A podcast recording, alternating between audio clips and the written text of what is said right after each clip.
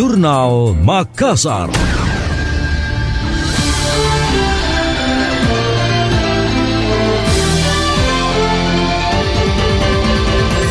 Pemerintah Provinsi Sulawesi Selatan melalui Dinas Perdagangan mulai menyusun strategi untuk menjaga kestabilan harga pangan serta mengendalikan inflasi.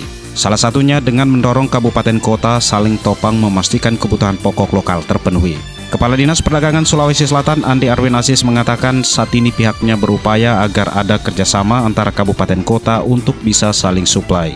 Skemanya yakni daerah yang surplus bahan pokok akan menyuplai ke daerah yang kekurangan.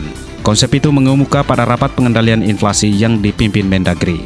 Arwin menilai cara tersebut cukup efektif membuat harga bahan pokok tetap stabil.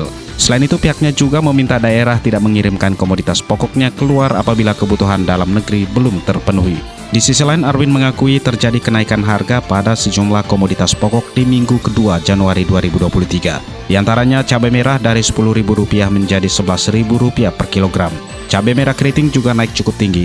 Pada Desember tahun lalu harganya masih di kisaran Rp13.300 per kilogram, di Januari melonjak menjadi 15 ribuan per kilogram. Harga beras baik premium maupun medium juga naik namun tidak terlalu tinggi. Sementara komoditas lain tidak ada perubahan. Menurut Arwin, kenaikan harga itu terpantau di lima daerah penyumbang inflasi di Sulawesi Selatan. Kelima daerah itu meliputi Makassar, Parepare, Palopo, Kabupaten Bone, dan Kabupaten Bulukumba.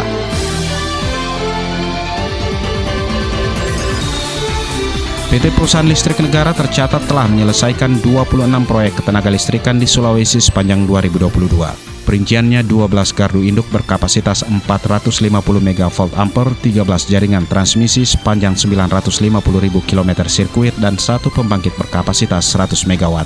Direktur Manajemen Proyek dan Energi Baru Terbarukan PLN Wiluyo Kusdiwi Harto menyampaikan penyelesaian proyek ini untuk menghadirkan listrik yang andal di wilayah Sulawesi. Sekaligus bentuk dukungan komitmen PLN mendorong perekonomian melalui hilirisasi industri di wilayah ini. Dalam penyelesaian infrastruktur ini, tingkat komponen dalam negeri TKDN mencapai 64,24 persen. Rincian infrastruktur pembangkit mencapai 43,08 persen, gardu induk 72,59 persen, dan jaringan transmisi 77,06 persen. Ia berharap beroperasinya seluruh PSN ini dapat mendorong pertumbuhan perekonomian nasional dengan menarik investasi di Sulawesi, baik pada sektor pariwisata maupun industri guna menghadapi tantangan ekonomi di 2023.